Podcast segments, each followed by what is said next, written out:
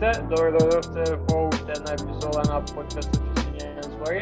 Моето име е Георги, а со мене денеска, како и секогаш се моите колеги од правниот факултет во Скопје, директно од Битола, Димитар Тромбевски Тромбе и нашиот Джеймс Бонд, овој пат повторно од Скопје, Никола Донев Донев. Како сме колеги?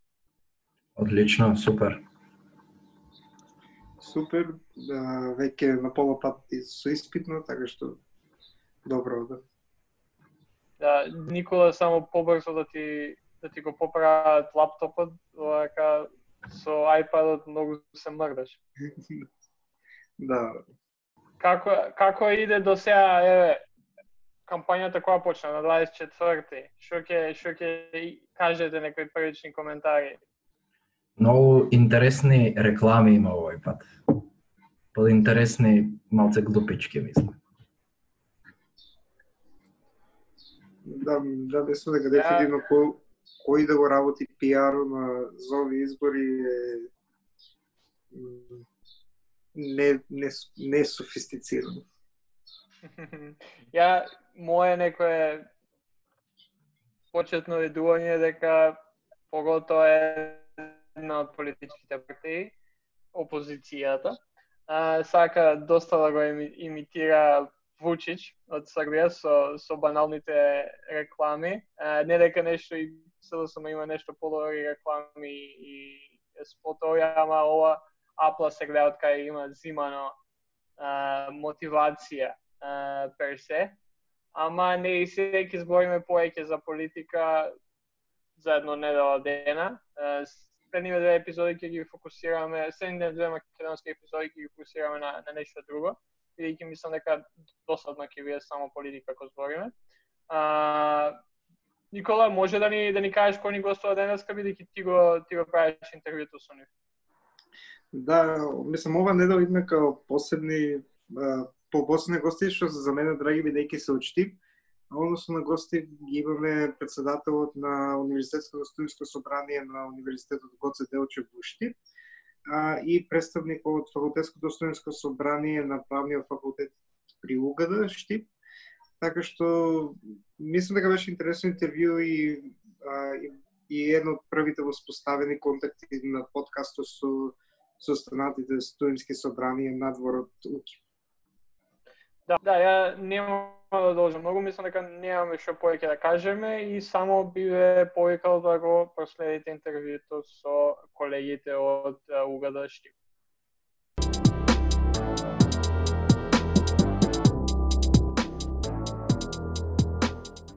Здраво сите, се враќаме овде повторно на Јустинијан збори со едно одлично интервју. Овој пат излегуваме надвор од рамките на УКИМ И така што посебно ми е драго да ги најавам денешните гости, Мирко Наджаков, председател на Универзитетското студентско собрание при Угада во Штип и Иван Димитров, член на Факултетското студентско собрание при правен факултет на Универзитетот Гоце Делчев во Штип.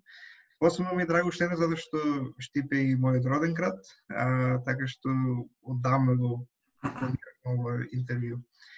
А, така што сакам да ве поздравам и да ве прашам како сте, како како оди карантинот и сите други активности. Благодарам Никола. Благодарам што УКИМ, тоест како правен факултет на на УКИМ се залагате да да ги вклучите и начинот, односно начинот на кој функционираат и другите, за да на УКИМ се знае начинот на кој функционираат и другите универзитетски студентски собранија и факултетски студентски собранија на тие универзитети. А, благодарам на поканата, како што реков и во, во време, знаете, малку е тешко, секој се, се чува од вирусот да не се зарази, некој не толку, но тоа е што е. Благодарам, благодарам на поканата колега. Сепак ми е задоволство да бидам дел од ова интервју, бидејќи сепак ќе можеме да ги представиме идеите а, и како што би може да се доврзам на прашањата начинот на организирање на факултетско студентско собрание на правниот факултет при УГД и секако на универзитетско студентско собрание. Супер. А, јас би препорачал да почнеме бидејќи замислата на на факултетските собранија тие да одат од доле кон нагоре, односно се почнеме од рамките на на ФСС, па така па така прво би те прашал тебе Иван, нели што е што е ФСС Mm. направи факултет? Значи, што е ФС? ФС представува тело на студентите во рамките на факултетот. Еве конкретно за ќе кажам за правниот факултет. А, значи студентите избори се одржуваат секоја година и тоа ги распишува деканот 30 дена, мислам дека беше пред одржувањето на истите, да доколку деканот не ги распише изборите се ги распишува ректорот и тоа три дена по истекот на а, рокот за кој што треба да ги распише деканот, можат да бидат избирани и да се избираат сите студенти на правни на соодветниот факултет. Но оно всушност може да се избира да избират да избират и да бидат избирани само студентите кои што се упишани а, таа го- а, учебна година кога се одржуваат изборите. А, факултетско студентско собрание всушност представува тело, како што ви реков, кое што ги заштитува и гарантира таква заштита на правата и на интересите на студентите. Значи, ние избираме, се избират 10 членови а, на факултетско студентско собрание на првата конститутивна седница, која што се одржува 30 дена по а, изборот на членовите, се избира а, председател на факултетско студентско собрание и се избират двајца членови кои што ќе бидат а, представници на еве правниот факултет во универзитетско студентско собрание. Кај нас така беа Мир... и се Мирко Наджаков и а, Вероника Газепова. А, председателот има одредени надлежности секако. Председателот ги извршува одлуките на членовите. Тој ги заштитува справата на студентите. Тој исто така е член во деканатска управа и има одред- а, други надлежности кои што се предвидени со статутот, но секој и со законот за високо образование. ФСС сепак за разлика од универзитетско студентско собрание има помал број на надлежности и помала би рекол МОК, така е предвидено во нашиот статут, така е предвидено и во законот. Во наша надлежност е исто така изборот на заменикот студентски правобранител. Значи најпрво се распишува конкурс и потоа истиот се избира од страна на факултетско студентско собрание. А, ние сме сепак во контакт со сите студенти, значи независно. А, од прва, втора, трета или четврта година, значи сите студенти до кои имат а, некакви барања, тие можат да ги поднесат до нас, членовите, секој може да и до председателот на факултетско собрание, но и до а, нашиот председател на универзитетското студентско собрание, тоа е Мирко, и наша обврска е да се обидеме да ги еве оствариме тие нивни барања, но секако тоа треба да биде во контакт со наставно-научниот совет во соодветниот факултет. Да, со оглед на тоа дека Универзитетско студентско собрание треба да представува како една повиска форма на здружување на на студентите од сите факултети во рамките на универзитетот, па, би те прашал Мирко, нели како како течеше процесот на создавање на универзитетско на универзитетското студентско собрание, со оглед на тоа дека вакви тела прв пат се формираат и кај нас кај нас науки има и сега го предпоставаме кај вас малку доцеше процесот во однос на создавањето на универзитетското студентско собрание. Вака Никола најпрво ме праша, да, точно е дека касне касне изборите, посебно на вашиот универзитет касне изборите за избор на универзитетско студентско собрание. А, значи, најпрво, според новиот закон за високо образование, се формира а, универзитетски и студентски собрание и факултетски студент. Се извинувам, дали ме слушате, не? Да. А, најпрво, значи, според новиот закон за високо образование се избираат а, универзитетски и студентски собрания и факултетски студентски собрания, со тоа што до сега не функционираше на тој начин, туку а, според стариот закон а, имаше а, студ, а, се викаше а, само точниот назив да ми текне а, Студентски парламент беше преходен. Студентски парламент беше, да, студентски парламент според стариот закон. А, тој студентски парламент функционираше како здружение на граѓани и има посебна сметка и не знам, врши некои активности што на мене конкретно не ми се свиѓаше како функционира тоа тој студентски парламент. Е сега, а, според новиот закон се дадени многу права на студенти, на студентите и а, можност повеќе да се организираат и да ги бранат нали, своите права да се представуваат преку соодветни а, представници, а тоа е нали, универзитетското студентско собрание и факултетски студентски собрание. Се како функционира универзитетско студентско собрание, тоа е тело на универзитетот кое е составено, односно таму членуваат представници на студентите од факултетските студентски собрания. А, конкретно на УГД, јас мислам дека не е така на но конкретно на УГД, од секој од секое факултетско студентско собрание, од кога ќе биде а, нели избран тоа факултетско студентско собрание, кој што кажа Иван, а, се избираат 10 10 представници членови од тој факултет, по од кога ќе се конституира на конститутивната седница на тој собрание се избираат и 20 членови, ќе бидат представници или како што ги викате, како што некои сака да ги кажуваат делегати, а, во универзитетски студентски собрани. Е сега тие таму се представници а, на на а, студентите од нивниот од нивниот факултет. Е сега а, не знам дали сум јасен, но на пример УГД УГД има а, мислам дека 22 представници, УСС има 22 представници во собранието, а, од кој секој е, мислам, од кој двајца се од еден факултет.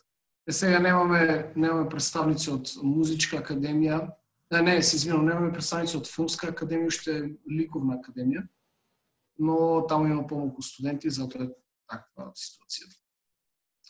А, студентите на во овие, мислам, представниците во овие, во овие а, универзитетски собранија имаат повеќе цели и задачи, односно повеќе обврски, да речем.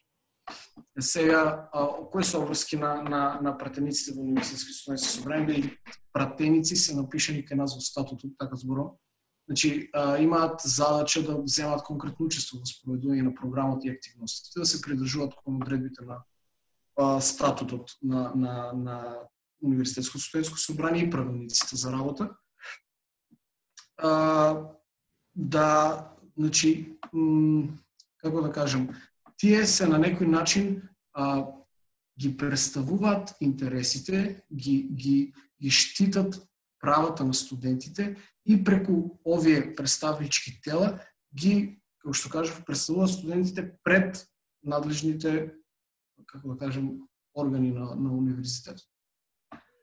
А, значи, кои се цели и задачи на Универзитетско студентско собрание? Тоа се нели представување на студентите, кој што кажем, заштита и остварување на студентските права, остварување на правата во, но, на студентите во однос на прашањето и проблеми поврзани со системот за високо образование, учество во управувањето на универзитетот, развивање и задоволување на културните потреби на студенти и така натаму да не е набројало сите точки генерално, е сега исто да, да објаснам структурата на, на, на Универзитетско студентско собрание, состои од председател а, и конкретно кај нас, како што кажав, има 22 представници. А, по, во последните седници а, со одлука со, со одлука, значи беше одлучено да да се формираат исто така и комисии со тоа што за полесно и поефикасно функционирање на универзитетско студентско собрание, а, представниците ќе бидат распределени согласно со нивните знања и можности во во соодветни во соодветни одбори, комисии и на тој начин за полесно нели поефикасно како што кажа функционирање на собранието. Но поради моменталната ситуација со вирусот За жал овие овие комисии, односно одбори не можат да функционираат бидејќи нема нема за што да функционираат. Најчесто проблеми со кои се очуваме овој период, овие веќе три месеци, ако не повеќе, се проблемите за настава, проблемите околу наставата, проблемите околу полагање на колоквиум испити, сесии и слично, така што сите барања кои што стигнуваат до универзитетско студентско собрание се препратени до до ректорско управа, односно до надлежните во ректоратот и тие постапуваат потоа со нив и за жал, за жал тоа тоа работи моментално бидејќи немаме можност за нешто повеќе. Спомна, мислам, спомнавте нели справување со со нели пандемијата, пандемијата и кризата со која што се случува, со тоа дека на факултетите се ставени во една позиција да да се на начин трансформираат во во онлайн, во онлайн факултети и универзитети. Да. А, колку колку сте вие задоволни од од нели спроведувањето на наставата на факултетите досега? Нели как мислам како е направен факултет, како е и нормално што правеше УСС во овој период за да помогне на универзитетот и на различните факултети да по, по-лесно да се изврши транзицијата. Ева, така. А, две, две недели од, од како се доне, од како беше прогласен вонено состојба, нели две, две недели на УГД бараше начин на кој да да ги одржува на, на, кој, на кој начин да одржува наставата и колоквиумите. Потоа донесе одлука за наставата и колоквиумите да се спроведуваат на платформата Microsoft Teams. Сега, што направи УСС за, за тој период, УСС направи, мислам дека 3 или 4 анкети, не сум сигурен дали 3 или 4 анкети, а, во однос на мислам, анкетите беа дали студентите се задоволни на начинот на кој угада ги, ги врши ја извршува наставата, извршува колоквиумите и слично. Резултатите не беа сјајни, значи истото беше препратено и до, до ректорската управа. Значи, нормално е дека има технички проблеми, во, во, во однос на во однос на наставата, но, но не гледам дека не гледам дека проблемот е до до, до универзитетот. Друго, значи, конкретно ме прашавте што е што правеше УГД во во период додека е пандемијата. Значи, како што ви кажав, правевме анкети цело време, дали студентите се задоволни, дали студентите сакаат да полагат онлайн колоквиуми, дали не сакаат да полагат, дали сакаат да полагат онлайн испити, дали не сакаат да полагат. Значи беше поставено на едни демократски основи, така да ги кажем, да студентите избираат на кој начин ќе полагаат.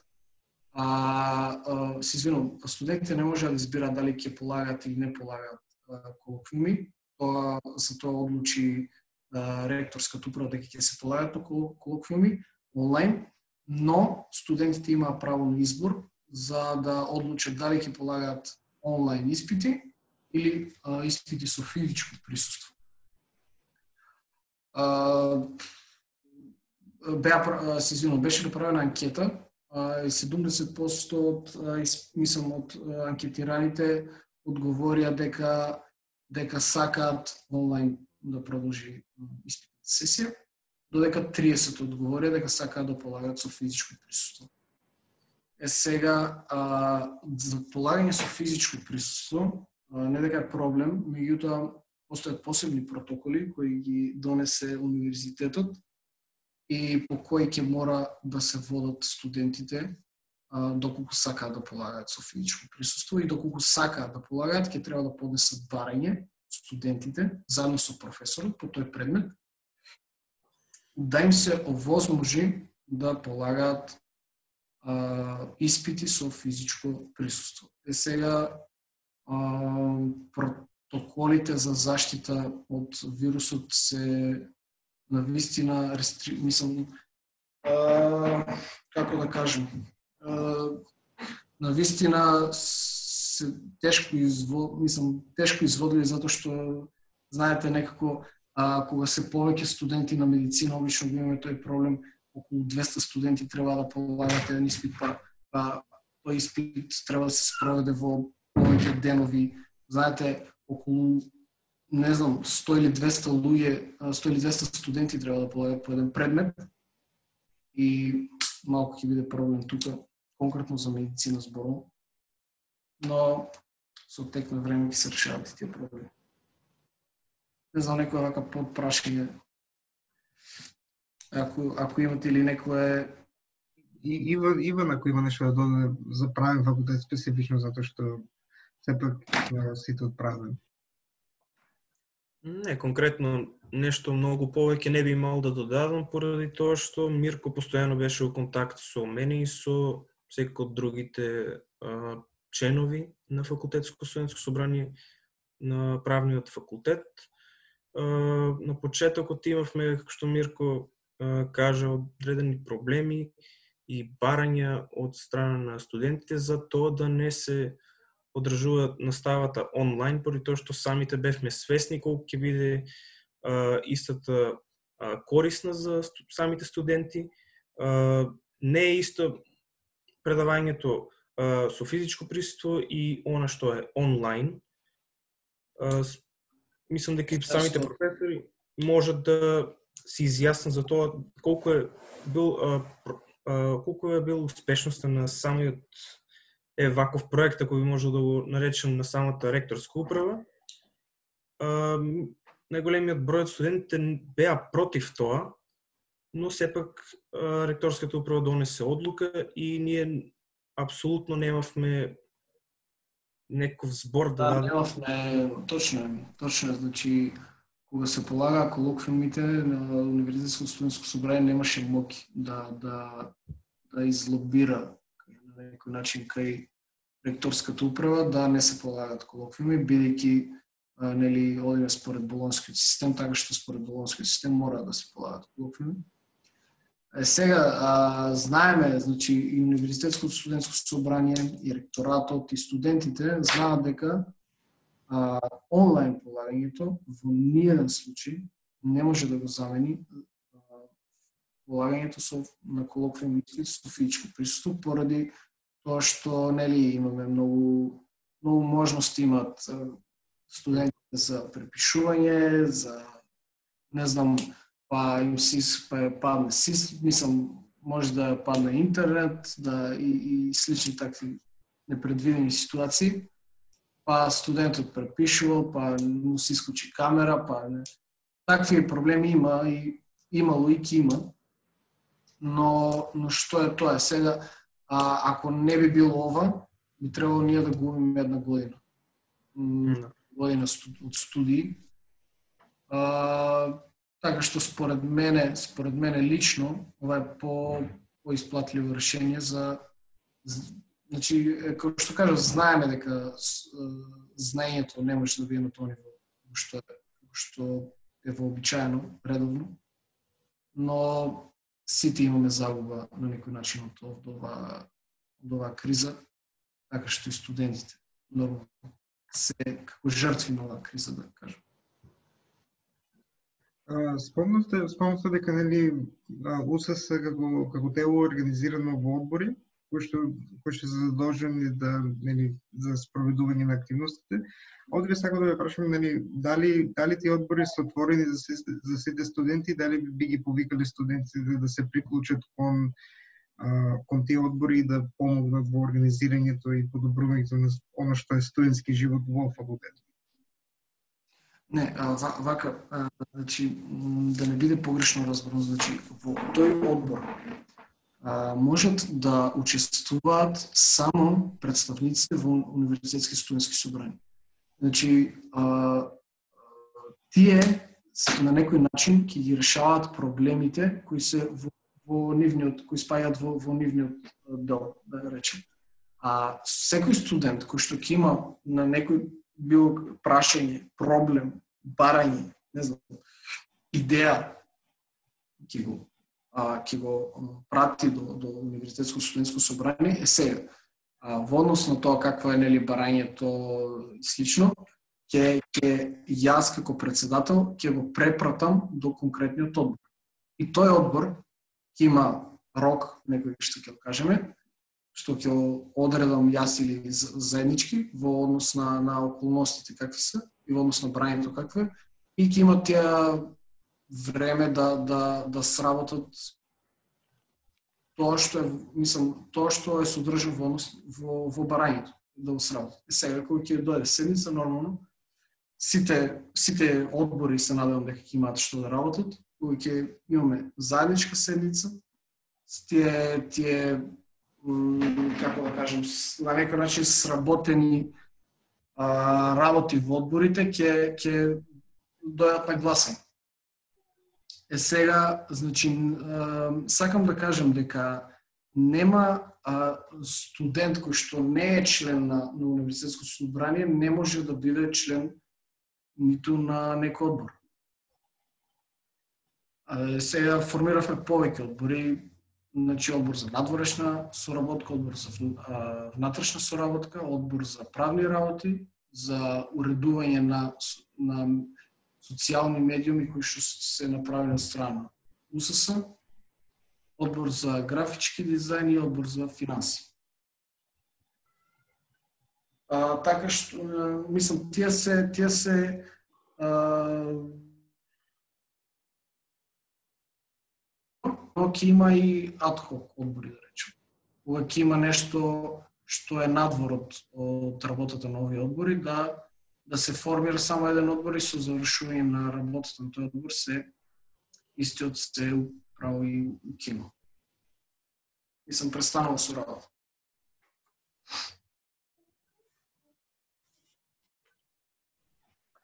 Дали, мислам, каква е ситуацијата со ФСС направен во однос на дали, на организирање работи за студентите?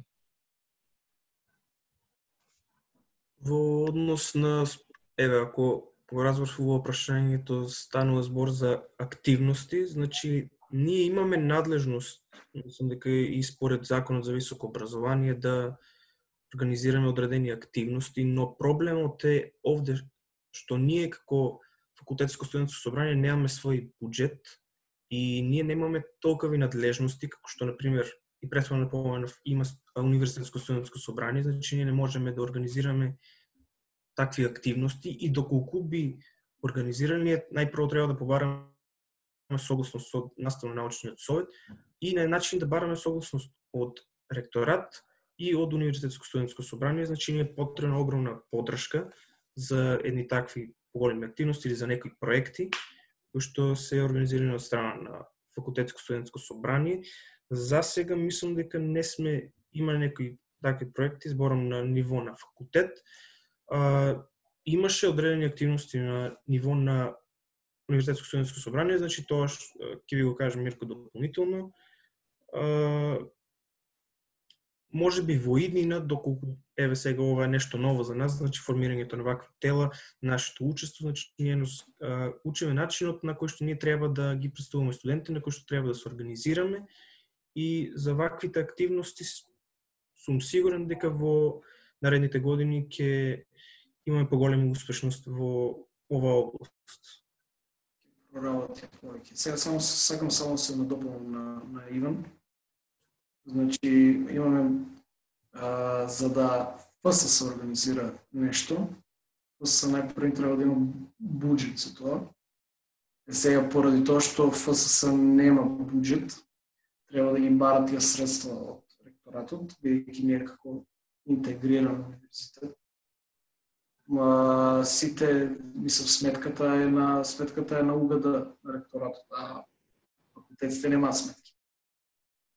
Сега за да ФСС организира некој, треба некој проект, не знам. А, треба да побара финанси, финански средства од УСС или од ректоратот. Малку имаме проблеми во, во однос на за, мислам, немаме проблем во однос на законот, него законот вели дека ФСС се финансира од страна на факултет, а нема своја сметка. Конкретно да угада и, и да сака некој проект да направи, малку ќе биде потешко во однос на во однос на пронаоѓање на финанси за изведување на било каков проект.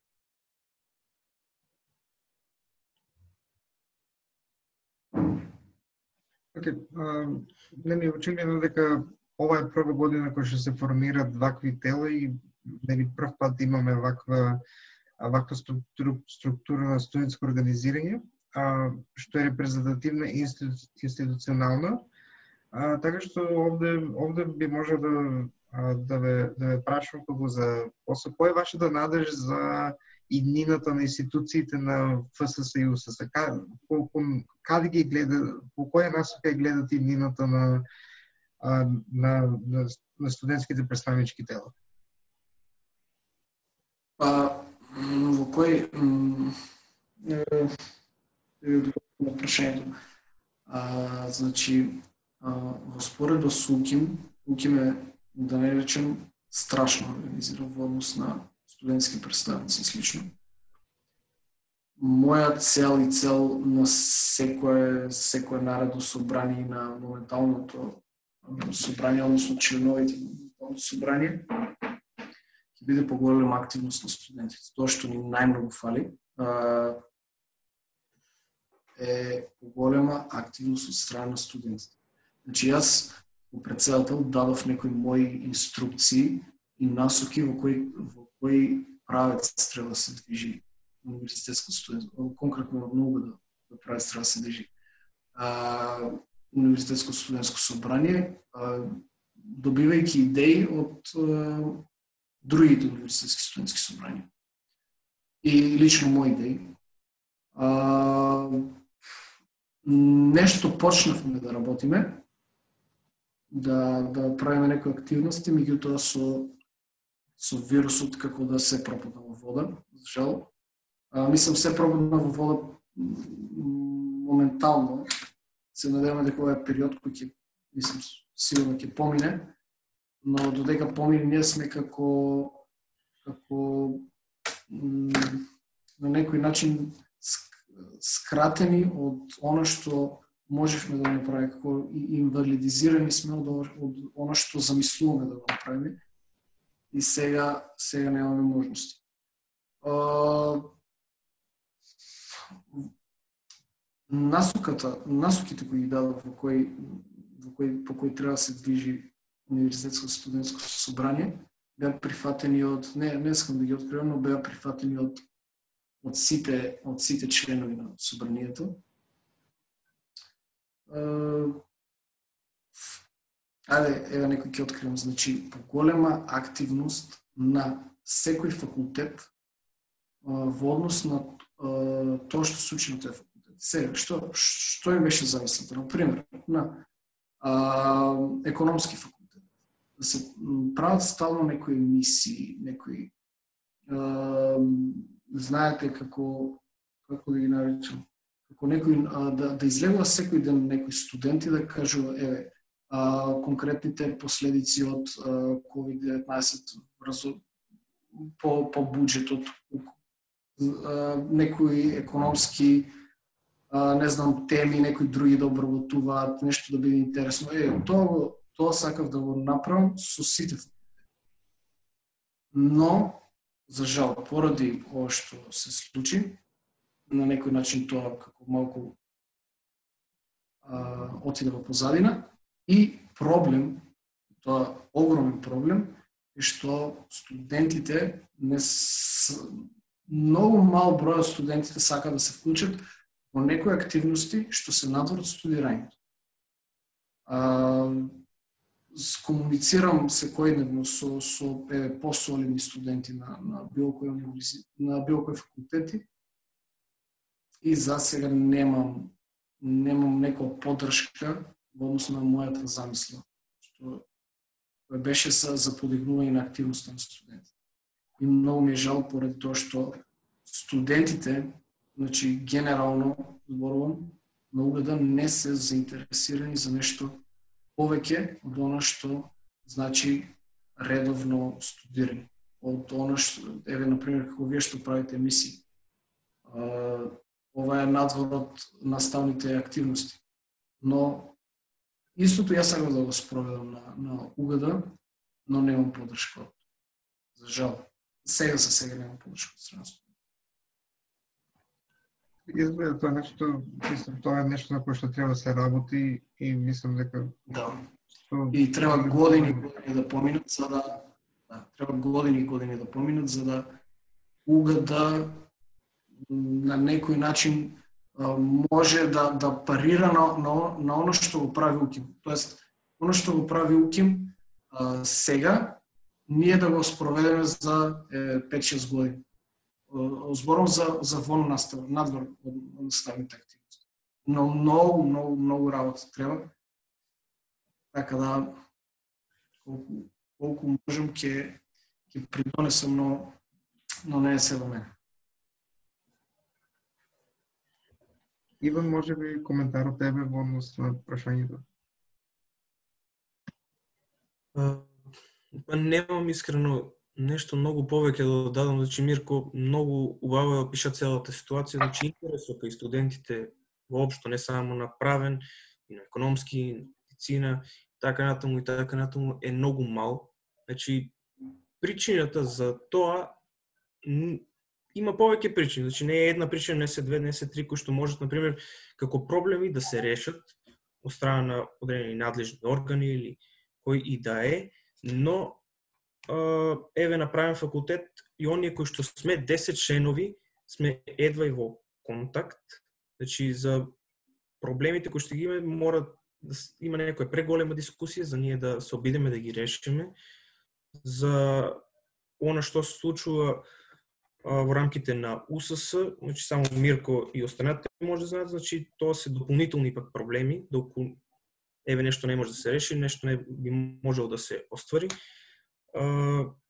И за неколку години, сигурно бидејќи ова е прва ваква година, значи јас сум а, завршив ФВС втора година, за неколку години сигурно ќе се ќе има поголем интерес, но тоа се зависи од тоа колку професорите те мотивираат, но и секако останатите и што им пружа повеќе факултетот, но и универзитет на самите студенти, докато тие имаат повеќе поволности, секој дека исти ќе учествуваат.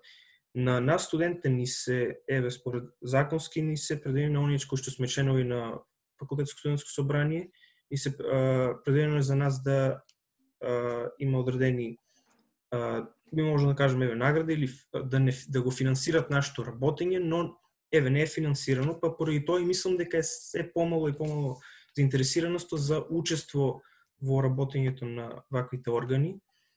А, сепак кажам, ова е прва година, има простор за подобрување и секој доколку има одредени промени во рамките на законот, но и во рамките на самиот универзитет, секој дека а, интерес ќе биде се поголем и ќе може би, како што кажа Мирко, ќе парираме дури и на вашиот универзитет. Само се надо- надоврзам, ако може. А, значи, а, проблем се финансиите, значи да, да, да студија, јас се залагав за тоа да, да членовите на ФСС и членовите на УСС бидат на некој начин финансиски надоместени. Тоа е символично, значи немој да мислите дека е некоја висока сума, символична сума некоја по, по седмица. Ами тоа тоа не беше одобрено од страна на надредените над мене. И за жал а, интересот за студентска активност опадна. Јас инсистирав а, поради тоа што знаете, кога некој добива нешто како поврат на оно што го сработил, секогаш ќе ќе ќе се залага и следниот пат да. Точно, да. Сега а, не беше прифатено. Значи, тоа од надредените над мене не беше прифатено, значи веднаш беше одбиено. И сега друго што што беше моја замисла за за за студентите беше субвенционирање на практиканска работа за студентите на на сите факултети. Тоа значише дека за време на летниот распуст, па и за време на студирањето, доколку студентот најде а, соодветно а, место соодветно работно место каде што ќе ги зголемува своите а, знаења во однос на оно што студира. Значи, на пример, кај мене, кај нас направен, тоа ќе биде судот, не, нотар, извршител, адвокат и слично. Сега, доколку тој најде таква работа и доколку ги обезбеди сите потребни документации дека тој бил нели дека дека остварува практиканска работа, а универзитетско студентско собрание ќе го финансираше. Но тоа беше моја замисла и тоа беше во, во планот и програмата кој што, кој што ја, ја изработив јас. Планот и програмата замислите, беа прифатени од страна на ректорската управа, од страна Сенатот, помина. И потоа кога кога сака во ова да се оствари, да да да да с... на некој начин да се да се плаќаат Значи, на некој начин да се плаќаат студентите, исто така ќе беше и тоа символична сума, за да ги надополнуваат знаењата надвор од факултетот, надвор од, од студиите. А, за жал, и ова моја идеја не беше прифатена.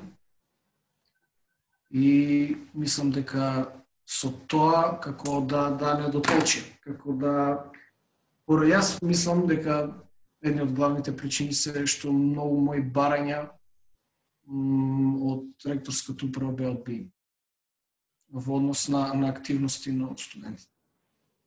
И тоа што што немаше финансиски надоместок за за а оние кои сакаат да ги представуваат и застапуваат студентските барања и студентите. За жал и не знам, може би тие што следниот состав што ќе дојде, може би ќе се избори за нешто повеќе за Мислам дека во одреден мислам дека во голема важност е и меѓууниверзитетската соработка, така што така што мислам дека доколку а, доколку контактирате со Уки, ние би биле повеќе од задоволни да. да, да ви помогнеме, а и верувам дека имате сигурно соработка ќе објаснам на ниво на УСС. Па Ако може да со, со, конкретно со вашиот председател на науки и со, со другите универзитетски студентски собрани и председатели, сме во постојана комуникација. А, имавме некои заеднички проекти, заеднички, мислам, заеднички идеи за следни проекти, а, кои што поради оваа криза, нели, не не успеа да бидат да бидат спроведени.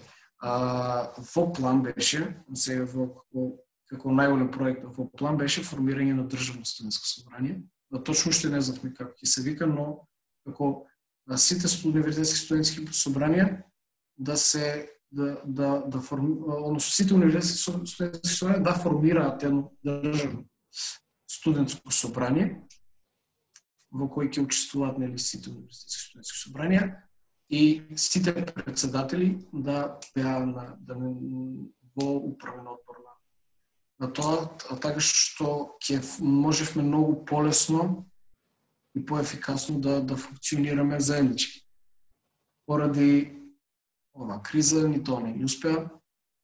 Еве а, Иван Иван беше дел од тоест требаше да биде дел од од работната група која што ќе го изработуваше статутот на, на универзитетско на, на, на државното студентско собрание, но сите планови како да пропаднаа во вода после после доаѓањето на, на коронавирусот и после прогласувањето на военната состојба.